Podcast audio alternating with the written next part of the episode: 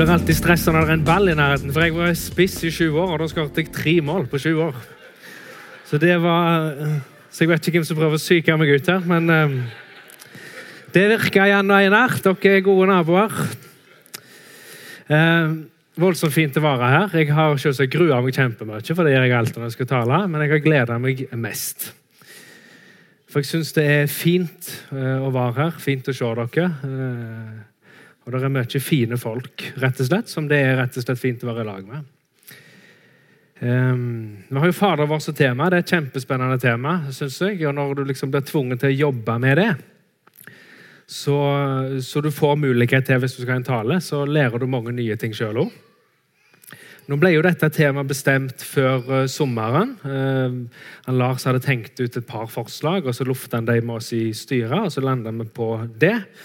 Uh, og det som var litt stilig, var jo at det var ikke mange dagene etterpå før Lars sa han hadde truffet en Ove Prest. Det er Ove Prest og Lars Pastor, på en måte, eh, de heter. Eh, og da hadde de sett det samme temaet der i kirka, eh, helt uavhengig av her.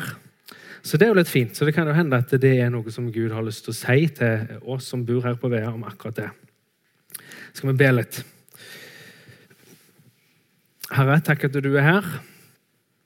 Takk at vi får forvente ting av deg. Vi ber om at du kommer ned oss med din Hellige Ånd, at du fyller dette rommet og fyller vårt sinn og vårt hjerte med alt som du er. Vi ber om at dette må bli et møte med deg. Det trenger alle vi som er her. Amen. Jeg vet ikke om du har lest eh, versene eh, rundt eh, når Jesus introduserer Fader vår. Men der er det iallfall disiplene kommer til Jesus, og så sier de til han, 'Lær oss å be'. Lær oss å be. Og det er jo Han sier jo ikke 'lær oss en bønn'. Jødene de hadde jo ei gru i bønner så de kunne be. De hadde Salmenes bok, og de bedde dem uh, når de hadde sine møter. Og Likevel så kommer de til Jesus og sier 'lær oss å be'. Og jeg, jeg, lurer på hva de kjente på. Og jeg tror Når vi liksom har et tema som, som Fader vår, og dermed bønn, så tror jeg nok at mange av oss eh, går inn i liksom, ei overskriftbønn eh, med litt sånn forskjellige følelser. gjerne. Sjøl så syns jeg jo eh, Sånn er det jo med mange ting. Men er, når du er predikant, så får du jo snakke om ting. Mye lettere å snakke om ting enn å gjøre ting. Det er mye lettere å ha en bibeltime om bønn enn å være ei bønnekjempe. Så den, liksom, Det behovet som de disiplene kjente på, ler oss å be. Jeg tipper det er mange som kan gå framfor Gud eller kjenne inni seg i dag at det kjenner jeg på. Noen, noen, nærmere bestemt Jesus, du må lære meg å be, for jeg er ikke så god på det. Og så lærer Jesus disiplene to ting. Han lærer dem en bønn. Og Det har jeg lyst til å slå et slag for. Jeg har lyst til å slå et slag for ferdige bønner. For liturgi, selv om ikke vi har kjempemye tradisjon for det. For av og til så er det faktisk bedre å be en ferdig bønn enn å ikke be i det hele tatt. Og Av og til så er det sånn at det er faktisk vanskelig, sånn har iallfall jeg det, eh, å finne ord. Eh, vite hva du skal si. Og da faktisk få lene seg inntil på en måte en bønn som den kristne kirka har bedt i tusenvis av år. Det er det ganske, det er trygt, og det er godt. Og det er oppmuntrende for deg som kanskje kan kjenne på det. Så Jesus han, han lærer på en måte to ting eh, tenker jeg, i Fader vår. Han lærer oss å be. Han gir oss på en måte en forståelse hva bønn egentlig handler om. Og så gir han oss en praksis, hvordan vi konkret kan be. Og Det ønsker vi å sette fokus på denne høsten, her, spesielt i forsamlingen. Og vi har lyst til det, at vi skal utvide både forståelsen vår, måten vi ser på bønn på, og så at vi skal øve oss i praksis. Og Det håper jeg at du vil være med på. For dette er liksom ikke, dette er ikke Lars sitt tema, eller talerne sitt tema. Det er vårt tema. Det er noe vi har lyst i lag å gå inn i. Så syns jeg vi må ta opp én tråd eh, fra forrige gang, oppstartshelga. Jeg syns det var kjempeflott å være der. Og Det var så flott å høre når han, eh, Lars snakket om vår far. Og Det tenker jeg er så viktig til å gjenta. For Gud, han er en god far. Han er virkelig en god. Og dette er sånn, Når du hører de ordene der, så, så tipper jeg det er noen ting som slår inn. Er det sånn autopilot? Altså, ja, dette vet jeg jo. Dette har jeg hørt før. Men det å føle at Gud er god, det er ikke alltid like enkelt og like lett. For av og til så er det vanskelig å se det. Av og til så er det vanskelig å forstå det, at han faktisk er god. Helt reelt sett at han er 100% god. Og Der tror jeg vi må hjelpe hverandre til å holde fast med det, at Gud er god. Og Fader vår starter nettopp med det. Vår far. Det begynner med det. Hele bønnen heter det. Det handler om vår far. Og Det tror jeg er en sånn viktig nøkkel som vi har liksom med oss når vi går inn i det at det er vår far vi snakker om. Det er vår far vi ber til. Hvis ordet 'far' er noe som skaper dårlige assosiasjoner hos deg, så kan det godt være at det òg eh, overføres til Gud. Og Da trenger vi å hjelpe hverandre til å se på en måte, hvordan ser vi på Gud. Hva gudsbilde har vi? For hvis det utgangspunktet blir feil, så blir på en måte allting feil. Hvis ikke vi ber 'la ditt rike komme' med utgangspunktet at vi ber til en god far, så blir det feil. For Jeg har i hvert fall snakket med noen som egentlig er litt redde for å komme for nærme Gud. At det skal bli for mye Gud på en måte i livet deres. For hva vil skje da? Da kommer sikkert til å bli kjipt nå som jeg har det så godt. Liksom. Nå, har nå har jeg godt i livet mitt. Nå trenger jeg liksom ikke at det kommer inn liksom en festbrems. Noen har jo et sånt syn på Gud, at de tenker at jo mer Gud, jo mindre liv. Det er jo ikke det Gud presenterer seg sjøl som i det hele tatt. Når vi inviterer Han inn i livet vårt, og når vi gir Han mer plass, så gir vi mer plass til en som er god. Når vi snakker om 'la ditt rike komme', så syns jeg det har vært interessant å se eh, på hvordan blir det omtalt i Nye testamentet. Og Denne forkynnelsen om det rike, da, Guds rike, det er kjempesentralt i Jesus' sin forkynnelse. Det er nevnt nesten 100 ganger i Det nye testamentet. Mange andre ord som vi bruker oftere, de er nevnt sjeldnere enn faktisk det ordet Guds rike. Så det betyr noen ting, og det er faktisk sentralt. Selv om kanskje mange av oss syns det er litt sånn ullent og litt fjernt. Det står om Jesus at dette tidlig i Matteusevangeliet. Fra da av begynte Jesus å forkynne venn om, for himmelriket er kommet nær. Ordet himmelrike her det er akkurat det samme som Guds rike. Men når Matteus skriver, så bruker han konsekvent ordet himmelrike i plassen for Guds rike. Og det er hans, med hans respekt for den jødiske måten å tenke på. De, det, de hadde respekt for å bruke ordet Javé eller ordet Gud. Så han kalte det for himmelrike, men det betyr akkurat det samme. Og Et par, par vers senere Siden dro Jesus omkring i hele Galilea. Han underviste i synagogene deres, forkynte evangeliet om riket og helbredet all sykdom og plage hos folket. Og Dette ser vi igjen og igjen. Og Det kan du godt gjøre. Gå hjem, gå på bibelen.no. Der kan du søke, gå på noe som heter bibelsøk, og så kan du søke på de to ordene Guds rike. Så kan du se alle versene i Bibelen der disse ordene er brukt. Og Da tror jeg du vil oppdage i likhet med meg, at oi, dette går ganske mye igjen. Så må vi jo gjerne forstå litt hva et rike eh, er for noen ting. Eh, for hvis vi skal forstå konseptet Guds rike, så må vi forstå dette med et rike i det hele tatt. Eh, jeg er jo ingen teolog, eh, og jeg kan iallfall ikke gresk. eller noe sånt, Men jeg kan Google, og da kan du jo framstå som ganske smart i mange situasjoner. Og Da fant jeg ut at det ordet, da, rike, det kommer ifra Basileia. Nå hørtes det ut som jeg hadde mindre peiling. Det var bra.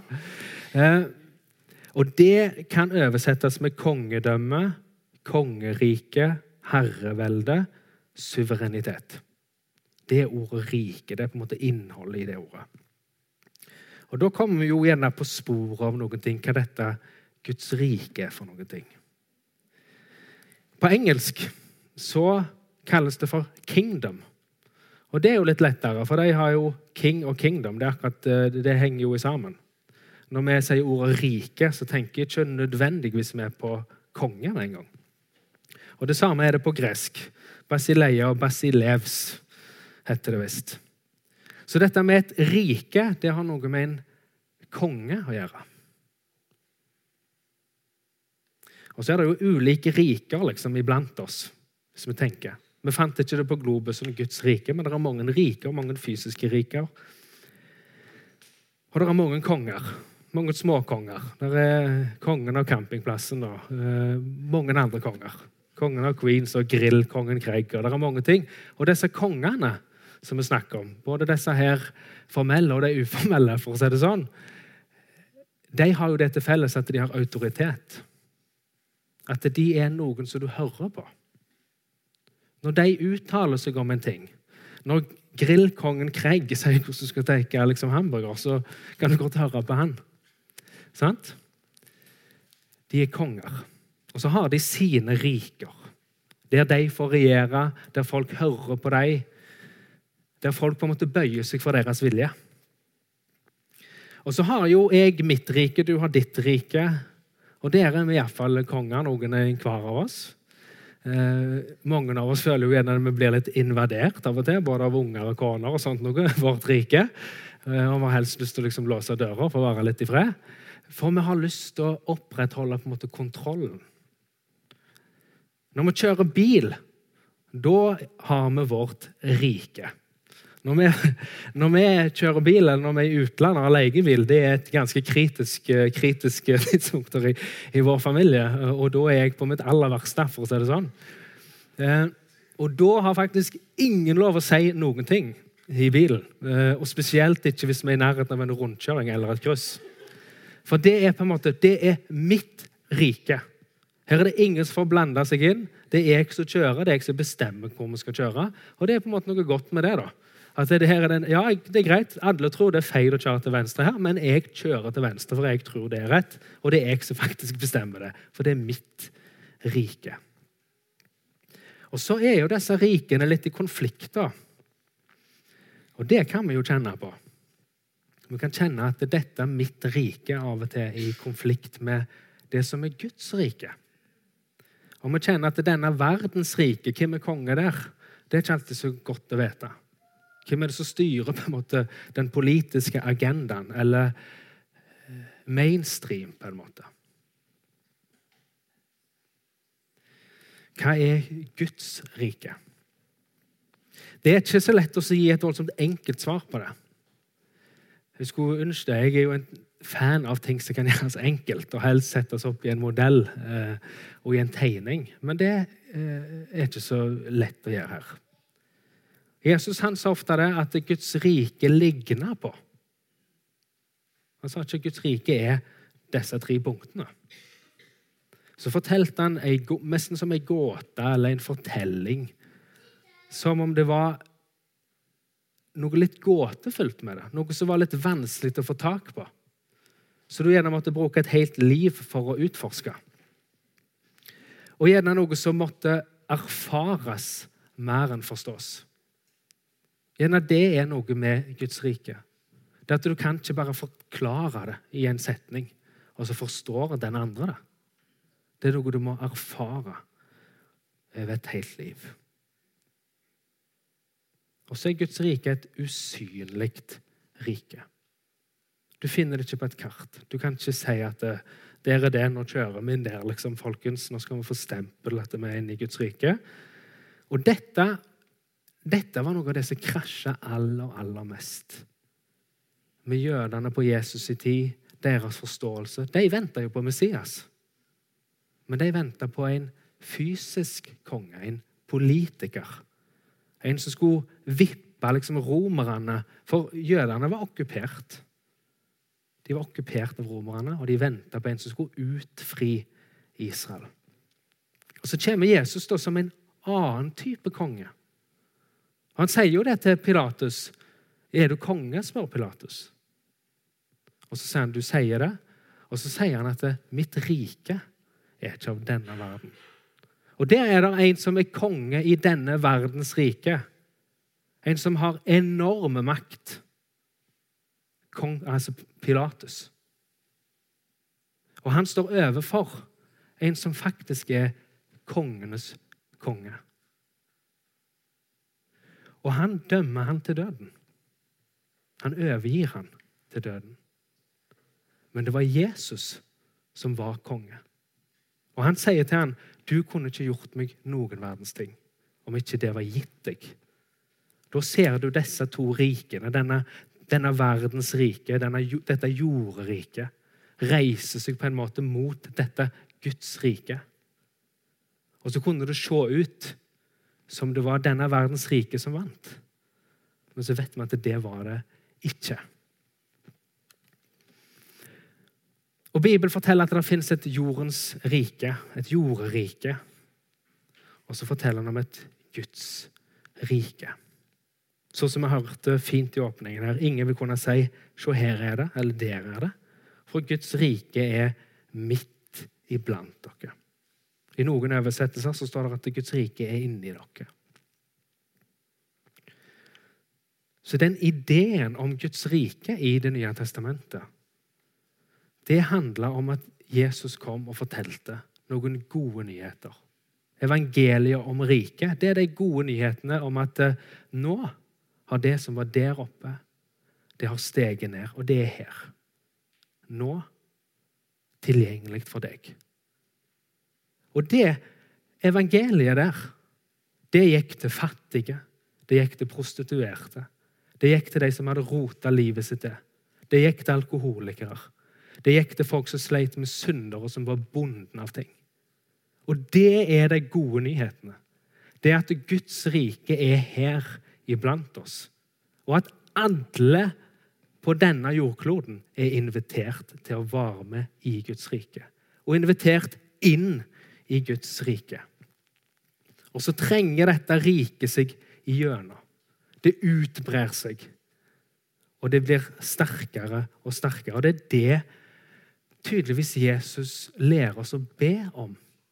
For det er jo litt løye. Han, han sa jo at uh, Guds rike er kommet ned. Hvorfor lærer han oss å be om at Guds rike skal komme?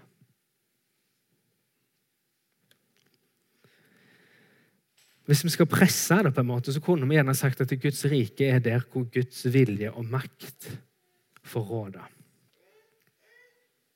Så når jeg ber om at Guds rike må komme i mitt liv, min familie, så ber jeg rett og slett om at, om at hans vilje, hans makt, skal få råde mer i livet mitt og min familie.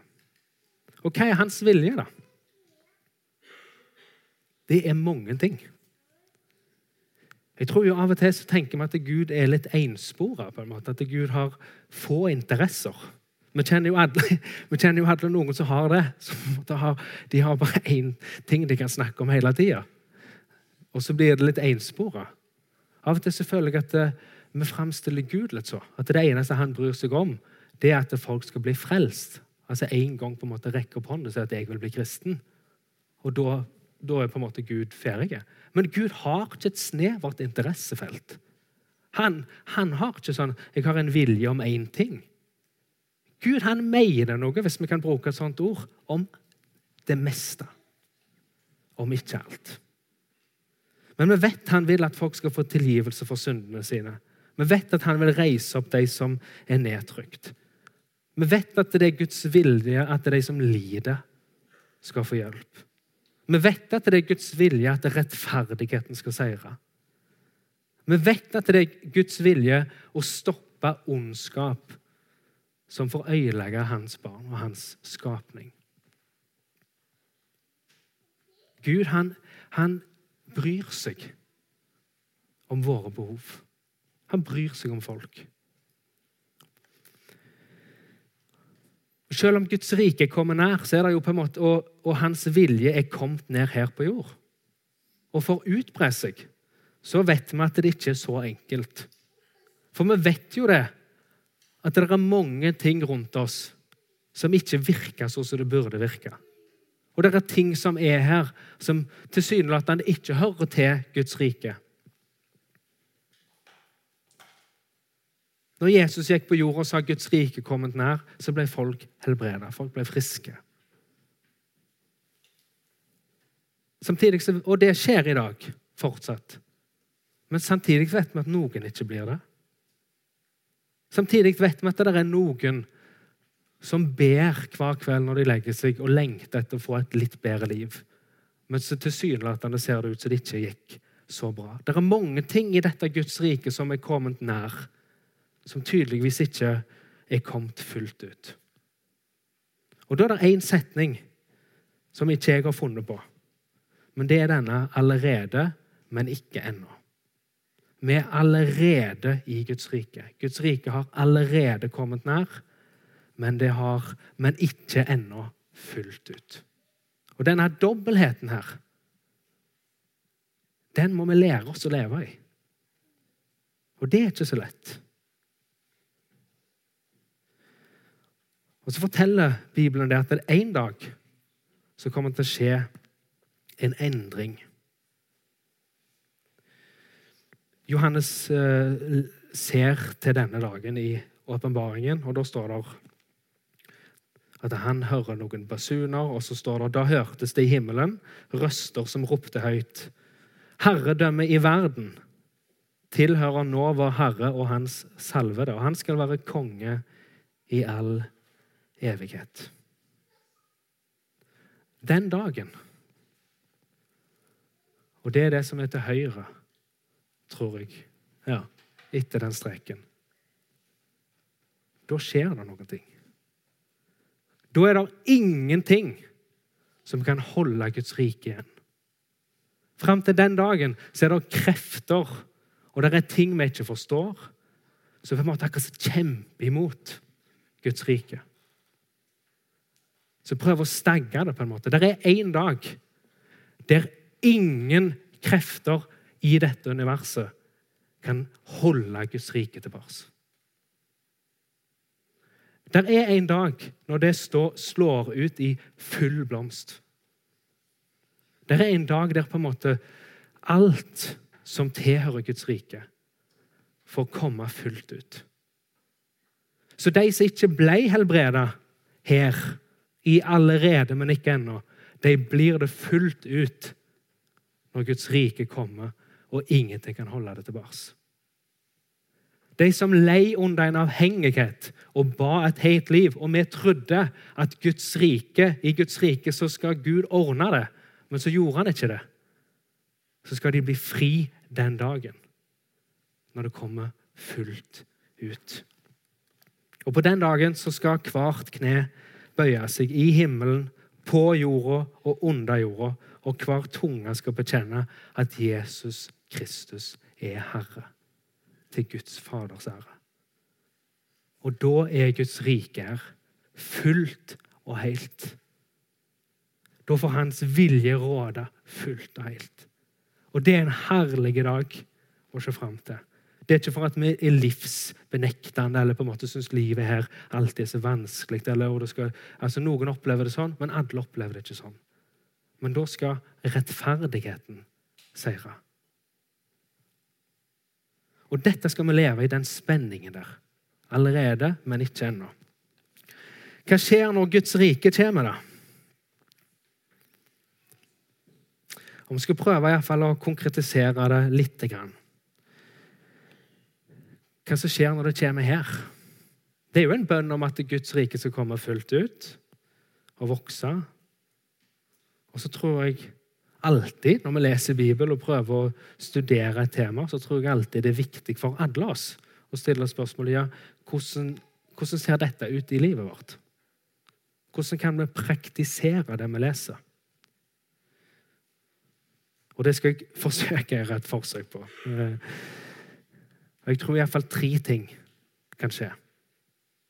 Jeg tror at når vi ber om det, så ber vi om at Jesus skal regjere i våre liv.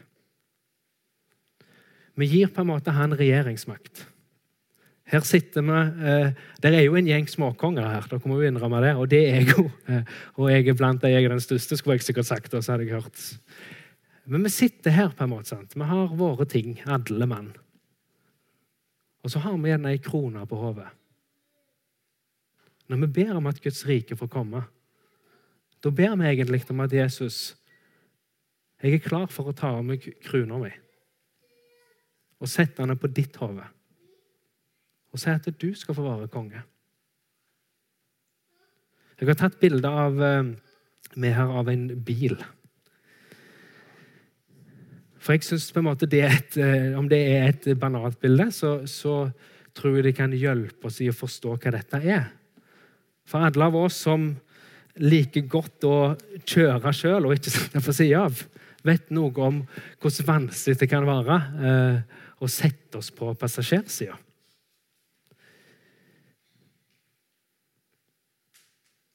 Når vi lar Jesus regjere våre liv, hei Jona, så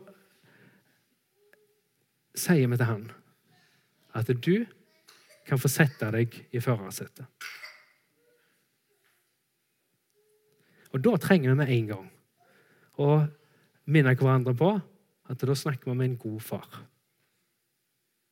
For mange da vil tenke 'Å, hjelpe meg, hvor kommer han til å kjøre?' Men her snakker vi om en lokalt kjente sjåfør. Her snakker vi om en som vet akkurat når det er på tide å gi litt mer gass, når det er på tide å ta det litt mer rolig han er en som vet at ok, det ser ut som det er snarere å kjøre der. Men han vet at det er det faktisk ikke.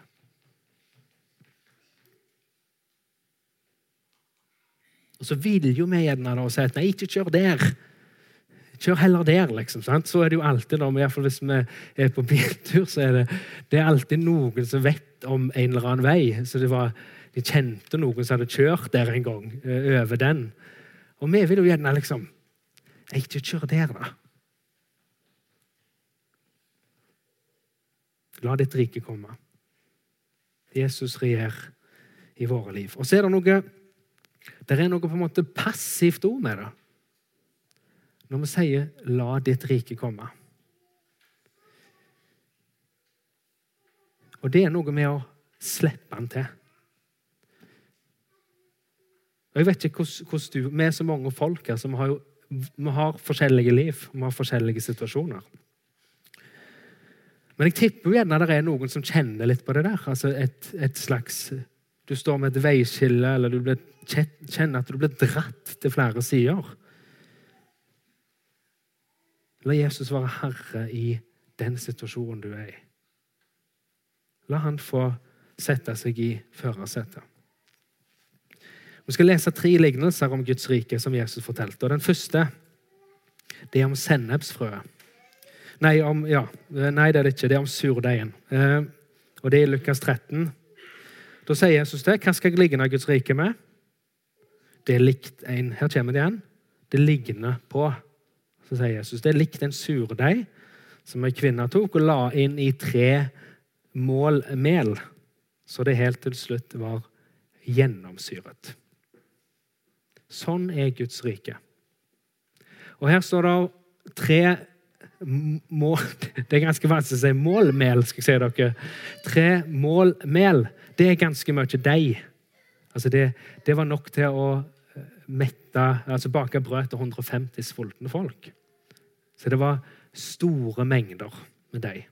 Og så sier han Guds rike er sånn så når du tilsetter litt gjær til den deigen der, og etter hvert så er hele den deigen gjennomsyra.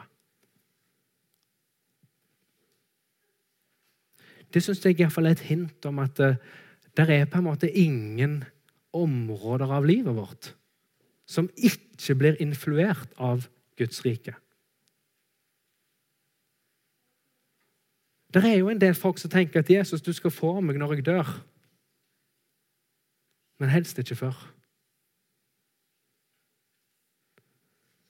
Men her lærer vi om et rike som utbrer seg, og som har det i seg. At det på en måte inntar akkurat så rom for rom på en måte i livet vårt. Og Den gjennomsyringen hvis vi kan bruke det ordet, den skjer jo på mange arenaer i livet. Den starter alltid med oss sjøl. Det er jo ofte eh, Det liker vi jo ikke å høre. Det er jo stort sett eh, så har det, Dere har det sikkert ikke så, men jeg, sånn har jeg det ofte i familien og i ekteskapet. det at eh, Hvis bare de andre eller den andre hadde liksom blitt litt bedre, så hadde det blitt bra. Men det er jo ikke så, for det starter jo alltid med oss sjøl. Og det er der den første på en måte gjennomsyringen skjer. Og så vet vi at det, det etter hvert så begynner det på en måte å utbre seg. Gjerne i familien, i storfamilien. Og til slutt så ser du at det faktisk er samfunn som endrer seg. Bare tenk deg på Norge før og etter kristendommen.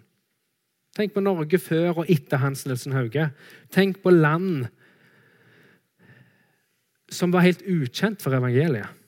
Og så får de evangeliet, og så ser du hvordan faktisk alle områder, arenaer, endrer seg. Det gjennomsyrer. Så tror jeg at Når Guds rike kommer, så lærer vi oss å se ting på en ny måte. Det skjer noe med liksom bridlene våre, perspektivene våre på ting.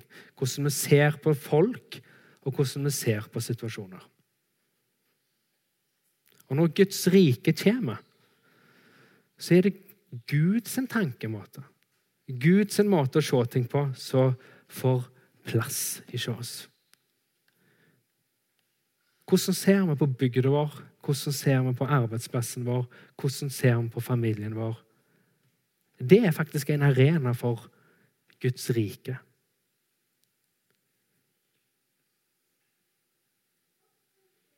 Hvordan hadde det liksom sett ut hvis Jesus flytta til Vea i morgen? Hva hadde han gjort? Hvis vi hadde fulgt etter han og sett liksom, hvordan han snakket, hva han gjorde Sånn som det ser Guds rike ut. Den andre lignelsen Jesus fortalte, det var om sennepsfrøet. Og Han sier at Guds rike er som et sennepsfrø. Når det blir sådd, er det mindre enn noe annet frø på jorda, men når, men når det er sådd, så vokser det opp og blir større enn alle hagevekster og får så store greiner at himmelens fugler kan bygge rede i skyggen av det. Og Det er så oppmuntrende, syns jeg et sennepsfrø så lite, og så har det et såret potensial. Og Det er et hovedprinsipp i Guds rike. Det er at det, det er usynlig, men det har mye større potensial enn vi kan fatte, og hva vi tror. Så hvis du sitter her og tenker ja, dette her er sikkert bra for noen andre, men hos meg er det ikke så. Eller hos meg er det annerledes. Ja, men jeg har så kan du jo bare ta inn det som står her. Og det at Guds rike det har et enormt potensial. Det riket som meg og deg er en del av, det har kraft i seg. Og det vil vokse. Og så er Guds rike et opp-ned-rike. Det er nesten et slags sånn bakvendt land. Og det er jo så at Hvis meg og deg skulle flytte til Oman i morgen, eller til Mongolia eller Japan eller hvor som helst, så måtte vi lært oss noen ting. Vi måtte lært oss hvordan ting virka der, hva du skulle si og ikke si. Noen land er det så at hvis du tar de ned, neven, så blir det fornærma, for det er jo den du bruker når du skal tørke deg. mens i andre land er det ikke så. Og det er klart, hvis du, hvis du reiser på kryss og tvers og ikke tenker på sånn, så kan det ikke gå så bra. Så vi vet jo at når vi skal reise til et nytt land, så må vi lære oss hvordan ting virker der. Og Vi trenger jo å lære oss gjerne litt hvordan ting virker i Guds rike. For Guds rike er jo en realitet her nå. Og Da tror jeg på en måte det kan være hjelpe oss på vei, det å tenke at det er et opp-ned-rike. For dette riket, der er det så at den første blir den siste. Den minste blir den største. Den som hungrer mest, er den som blir metta. Den som er liten i seg sjøl, det er den som blir framheva. Den som ikke blir som et lite barn, kan ikke se dette riket. Den som ydmyker seg, vil bli løfta opp. Han skal vokse, jeg skal avta. Gjennomgående et slags bakvendtland. Der ting var ofte helt motsatt av sånn som vi ville tenkt. Og da er det klart vi trenger liksom å, å få se liksom at sånn er det visst i Guds rike. Sånn at vi ikke blir så sjokkerte når det er et eller annet som skjer som vi syns var uventa. At Gud kunne bruke den personen, f.eks.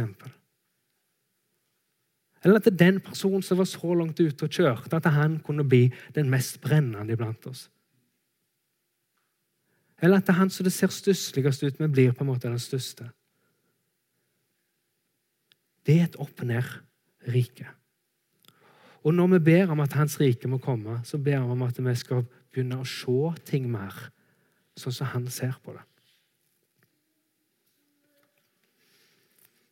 Og For det tredje og siste, når vi ber om at Guds rike må komme, så får vi erfare Hans rike velsignelse og Hans rikes velsignelse. Det kan jo være at dette blir litt fluffy, på en måte, eller at du syns dette høres litt sånn, litt sånn voldsomt ut. Og kanskje litt utfordrende.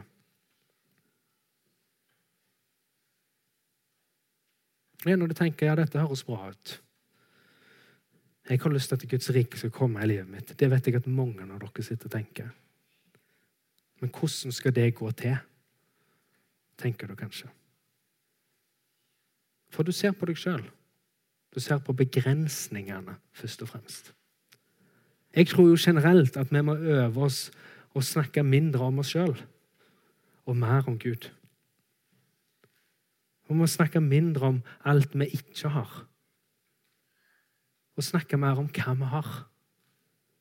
Fordi at eh, dette prosjektet Guds rike, Guds menighet, det er ikke vårt prosjekt. Det er Gud sitt prosjekt. Og det er for kraftfullt, det er for svært, det er for heftig til at vi skal henge oss opp i på en måte våre ting.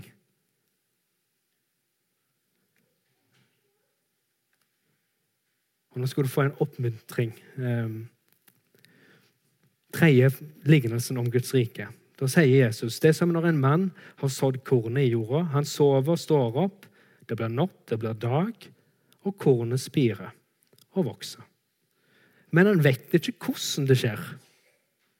For av seg sjøl gir jord og grøde. Først strå, så aks, og til sist moden korn i aksa. Sånn er Guds rike. Og, da, og det gir mye håp til alle de av oss som tenker hvordan skal dette skje. da? Så prøver liksom å knekke en eller annen kode eller gjøre de rette tingene. på en måte, Trykke på de rette knappene, sånn at Guds rike kommer. Velsignelsen i Guds rike det er at det er ikke vårt ansvar. Det er ansvaret Gud sitt. Det er hans rike. Det avsluttes jo Fader vår mor. For riket er ditt makten og æren i evighet. Amen. Det er ditt rike. Jeg vet ikke hvordan du bygger det. Jeg har ikke greie på dette, Gud. Jeg vet ikke hvordan dette skal se ut. Men det blir natt, det blir dag. Og jeg ser det vokser jo.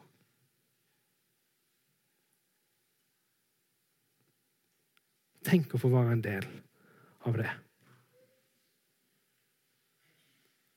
Og Her kan vi sitte vi kan snakke om ord som en mann sa for 2000 år siden. Det er jo litt merkelig. Og så syns vi det er liksom fint.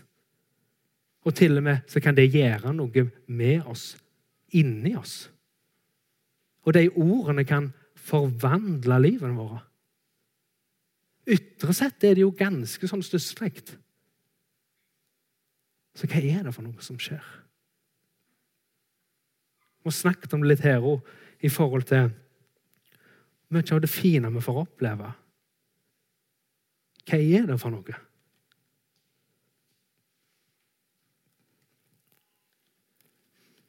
Paulus han skriver at Guds rike består ikke i mat og drikke. For det trodde de. De hengte seg mye opp i det. Men i rettferdighet, fred og glede i Den hellige ånd. La ditt rike komme. Det er dette som er kjennetegnene på Guds rike. Det er når vi får erfare faktisk at Den hellige ånd forvandler oss, at han gjør noe inni oss.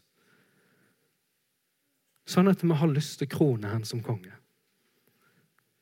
Nå er liksom, Jeg syns det, det er ikke kongen i Norge Det er liksom ikke så kult med konge i Norge sånn så det er liksom noen andre plasser. Nettopp for at det, eh, det, positive er jo at de er folkelige. Men det blir på en måte litt annerledes. Men det er tiltalen til dem. Den har jo vi holdt fast med. Hans Majestet.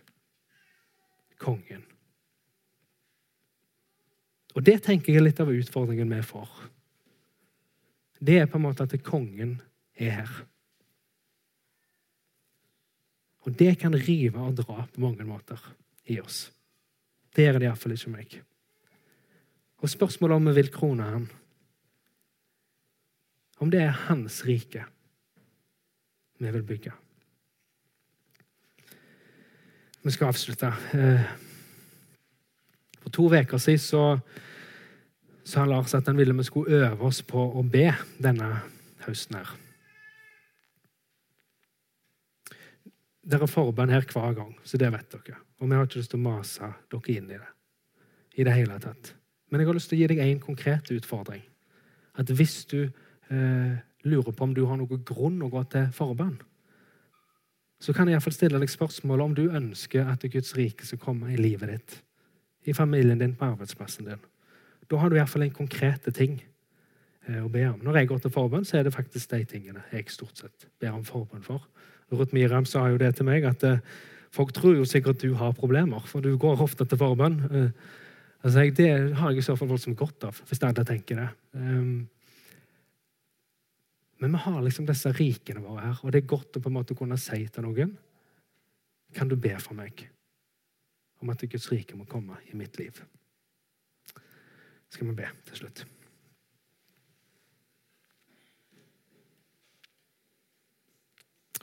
Herre, du er konge i all evighet. Og Så ser du oss, du kjenner oss, du ser rett gjennom oss, du vet hvordan vi er. Takk at du, du møter oss ikke med fordømmelse. Du møter oss ikke med krav. Du møter oss ikke med pisk. Vi snakker til deg som vår far. Og så vet du hvordan vi er. Stritter litt imot. Vi vil helst bestemme sjøl. Selv om vi vet at du vet best. Selv om vi vet at det, det er ditt rike som er det gode riket. Og Herre, vi har lyst til å krone deg som konge.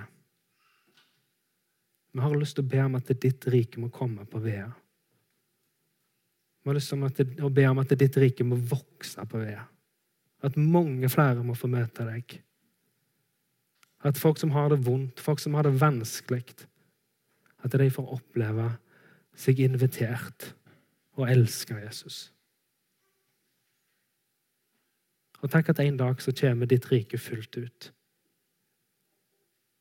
Da skal ingenting stå imot. Takk at du er Herre i all evighet. Amen.